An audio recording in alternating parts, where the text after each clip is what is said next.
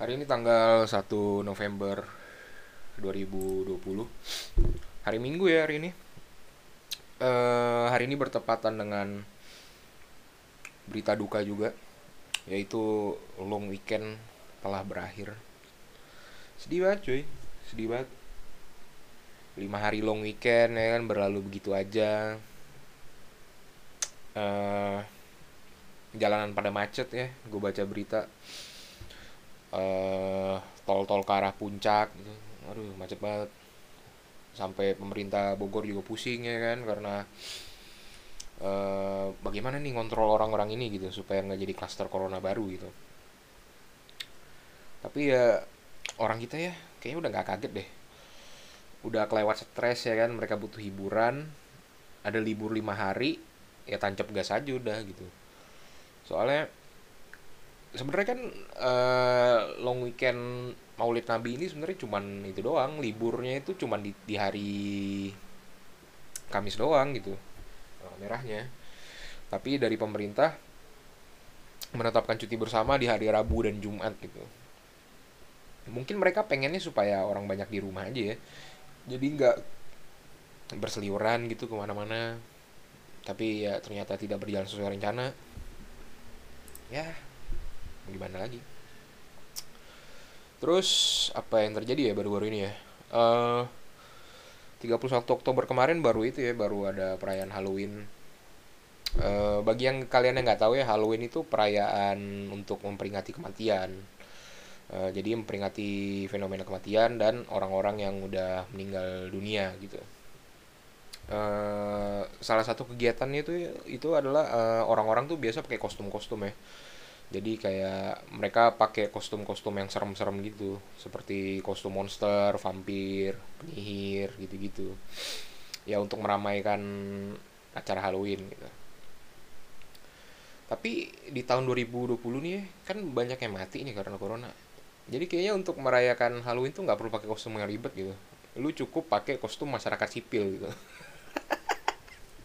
Itu udah cukup untuk memperingati kematian cuy. Udah cukup itu Eh, itu sebenarnya itu mengandung pesan moral loh sebenarnya bahwa orang biasa itu bisa menyebabkan kematian kalau nggak social distancing gitu jadi biasanya lu pakai kostum serem-serem sekarang pakai itu aja kaos celana pendek gitu kan nah terus ke rumah warga gitu kan Terus lu kalau anak-anak kecil trick or treat ya kan.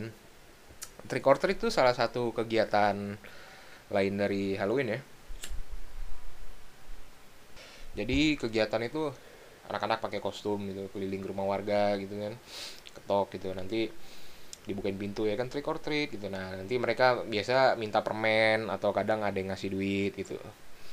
Eh, kalau Indonesia sendiri kan emang nggak merayakan Halloween ya tapi sebenarnya fenomena minta-minta itu juga bisa lo temukan gitu di lampu merah, jembatan penyeberangan, trotoar. Di sana tuh banyak anak-anak yang sebenarnya tanpa mereka sadari ya, mereka tuh udah melakukan trick or treat gitu. Bahkan orang dewasa pun ikutan juga gitu. Jadi kalau di luar negeri ya, misalnya eh, orang-orang pakai kostum serem gitu kan kayak ada yang kakinya hilang atau tangannya nggak lengkap gitu Nah kalau di Indonesia nih lebih jago gitu. Setelah acara acara minta-mintanya selesai ya, tapi kaki sama tangan itu masih nggak lengkap gitu. Itu total total gila itu. Sebelum dan sesudah minta-minta, anggota tubuhnya tetap nggak ada gitu. Anjing. Dan orang luar tuh ngelakuin ini ya setahun sekali gitu. Tiap 31 Oktober kan perayaan Halloween aja. Tapi kalau di kita tuh tiap hari men. Tiap hari. Tiada hari tanpa trick or treat gitu di luar negeri perayaan di kita masalah sosial ya kan nah kalau lu bertanya ya kalau gitu di mana bagian triknya gitu ya bagian triknya itu ada di bagian mereka nih minta minta uang gitu di Jakarta tapi giliran balik ke kampung tuh punya rumah gede sama sawah. Nah di situ tuh bagian triknya tuh. Eh, ngomong-ngomong soal Halloween ya Halloween kan sangat identik dengan hal-hal yang horor ya. Gue tuh suka iri loh ngelihat orang-orang yang pernah mengalami kejadian horor gitu dalam hidupnya. Mulai dari ngelihat makhluk halus ada yang bisa komunikasi dengan hantu. Bahkan ada yang kesur bahkan banyak gitu orang yang udah pengalaman mengalami kesurupan karena gue pribadi tuh nggak pernah ngalamin. Tapi gue punya teman atau kerabat atau keluarga yang pernah mengalami itu banyak gitu. Kayak gue punya teman satu dia pernah cerita gitu. Uh, teman gue ini pernah kesurupan kan. Terus gue tanya gitu eh gimana sih rasanya kesurupan? gitu. Karena gue nggak pernah. Dia bilang uh, sebenarnya selama fase kesurupan itu orang lain yang melihat dia kesurupan itu ngeliat dia ngeronta-ronta terus matanya apa matanya putih gitu kan uh, ngamuk-ngamuk gitu ngeluarin perkataan-perkataan dengan bahasa yang nggak jelas gitu. Itu cukup panik lah. Tapi dari segi orang yang kesurupan ya dia tuh sebenarnya nggak ingat apa-apa gitu. Selama proses terjadi dia nggak ingat apa-apa gitu. Nah tapi besok setelah terbangun tuh dia bangun dalam keadaan kondisi kepalanya tuh pusing gitu. Jadi dari segi ciri-cirinya tuh mirip kayak orang mabok tuh gak sih? Kayak orang mabok gitu. Gue sebagai orang yang nggak pernah kesurupan ya melihat fenomena ini tuh menarik gitu. Kayaknya kesurupan tuh seru juga gitu kalau memang sensasinya tuh kayak mabuk gitu kan. Terus lu nggak perlu konsumsi barang-barang yang haram gitu. Jadi win-win solution gitu. Gue bisa tetap mabuk gitu tanpa perlu mengkonsumsi yang haram gitu anjing kalau diinget-inget ya pantesan tuh gue punya satu sepupu ya. Dia tuh terkenal sering kesurupan gitu. Jadi uh, uh, orang-orang di sekitarnya gitu itu memang dia bilang bahwa si sepupu gue itu rawan kesurupan karena batinnya tuh kurang kuat. Jadi nggak boleh ditinggal sendirian malam-malam. Ya kalau gue ngeliat sih kayaknya dia bukan rawan kesurupan deh kayaknya dia doyan anjing. Doyan deh kayaknya. Perlu direhab kayak itu orang penyalahgunaan kesurupan untuk rekreasi ya kan? Ini iya, cuy.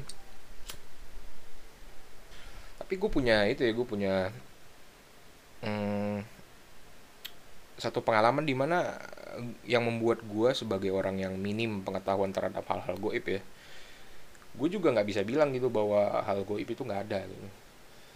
Kalau dari sisi agama yang gue anut gitu kan agama Islam ya bahwa hal-hal goib itu memang ada gitu lu nggak bisa percaya dengan ya lu kalau memeluk agama Islam tuh lu udah otomatis percaya dengan hal-hal yang goib gitu. Karena jin dan segala macamnya itu ada di kitab suci dan mereka beneran ada gitu. Jadi lu nggak bisa bilang bahwa lu nggak bisa percaya goib tapi di satu sisi lu memeluk agama Islam gitu. Nah tapi uh, waktu itu di rumah nenek gue ya di daerah Kalimantan gitu. Pernah waktu itu ada kejadian di mana uh, rumah nenek gue katanya ditanemin barang-barang goib. Di empat penjuru rumah gitu. Jadi barang-barang goib itu dibilang oleh uh, orang ahli ya, ya di bidang goib itu bahwa ada orang yang nggak suka sama keluarga gue dikirim barang goib ditanam di rumah gitu sehingga menyebabkan nenek gue itu sakit gitu jadi nenek gue tuh emang sakitnya tuh kayak aneh gitu sih. Dokter tuh nggak tahu gitu nenek gue sakit apa gitu. Tapi dia koma aja selama berbulan-bulan. Tanpa tanpa ada penjelasan yang masuk akal gitu. Jadi last resortnya adalah keluarga gue manggil orang pinter ke rumah gitu. Setelah di scan gitu kan rumahnya. Oh oh ini mesti ada gue lupa sebutannya apa ya kayak semacam ritual pencabutan barang goib itulah jadi ada dua orang pinter datang. Yang satu itu spesialis di komunikasi dengan makhluk goibnya. Yang satunya lagi itu mediator. Jadi rencananya adalah makhluk goib itu akan dimasukin ke badan sang mediator. Lalu temennya itu akan memediasi supaya uh, makhluk goib ini akan mencabut barang-barang tadi itu dan pergi dari rumah nenek gue. Nah di situ posisi gue tuh sebagai itu ya sebagai dokumentasi keluarga.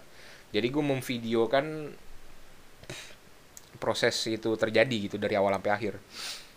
Jadi mulai dari awal uh, makhluk goib itu dimasukin ke badan sang mediator ya.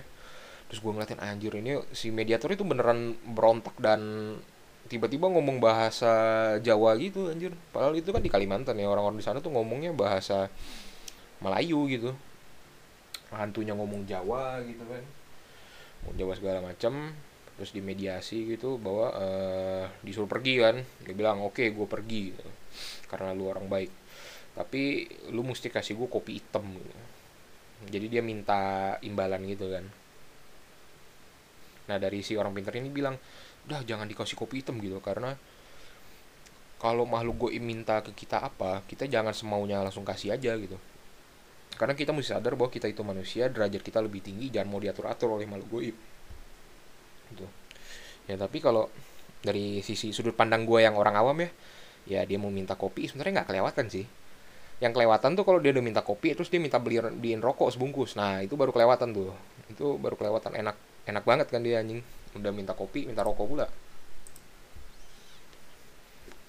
Jadi uh, ujungnya kopinya nggak dikasih ya kan kopinya nggak dikasih habis itu debat panjang kan debat tektok tektok tektok. Sempat ngamuk-ngamuk beberapa kali kan tuh si makhluk goib yang masuk ke badan sang mediator gitu. Sampai salto-salto cuy. Sampai salto-salto. Gila.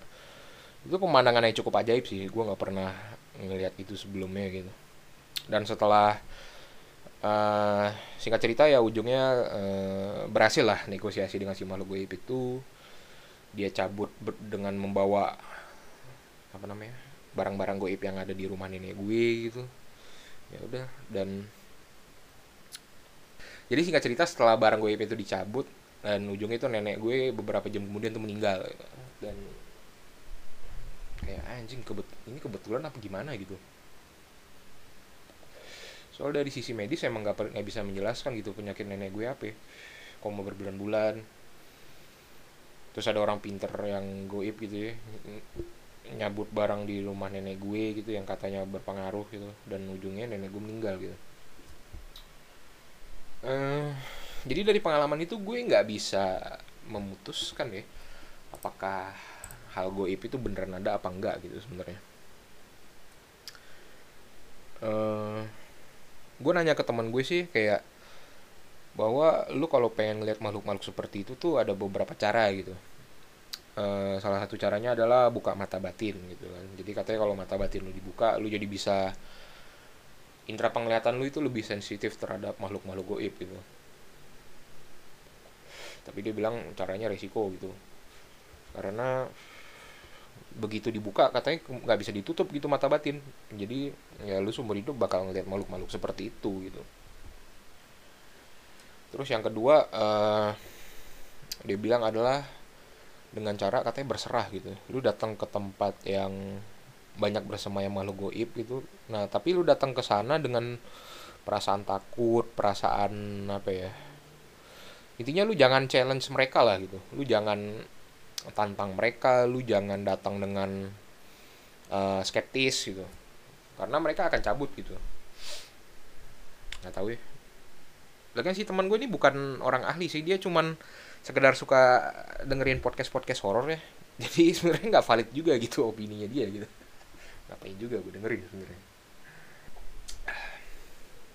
Tapi gue nggak menutup kemungkinan sih bahwa mungkin suatu saat sains akan dapat menjelaskan itu gitu.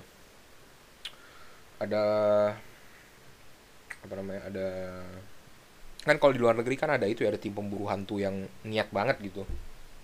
Yang niat banget yang sampai bawa sensor-sensor untuk apa ada yang bawa heat sensor gitu terdeteksi suhu ada juga yang bawa uh, alat untuk ngetes gelombang gitu. Jadi dia datang ke tempat-tempat horor terus pakai alat-alat itu untuk mengukur gitu anomali yang terjadi di tempat itu. Jadi saintifik banget gitu. Gue sih belum melihat investigasi itu ada di Indonesia ya. Dan kayak bakal menarik ya kalau suatu saat nanti hal hal-hal goib seperti itu tuh bisa dijelaskan dengan sains gitu. Karena uh, kalau dibilang itu orang yang pernah mengalami kejadian goib itu adalah orang-orang yang halusinasi gitu ya atau mengada-ngada gitu tapi kebetulannya terlalu banyak sih. Kebetulan terlalu banyak. Mungkin separuh dari orang yang gue kenal tuh pernah mengalami hal seperti itu. Jadi angkanya cukup tinggi sih untuk disebut sebagai kebetulan ya tapi yang nggak tahu juga sih ya.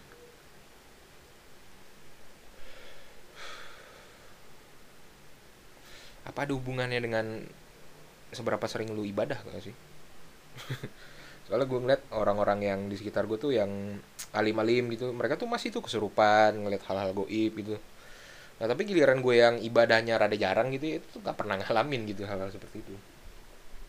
Ya nggak tau lah apa ada pengaruhnya apa enggak ya kayak gitu dulu aja ya. Makasih yang udah dengerin. Udah.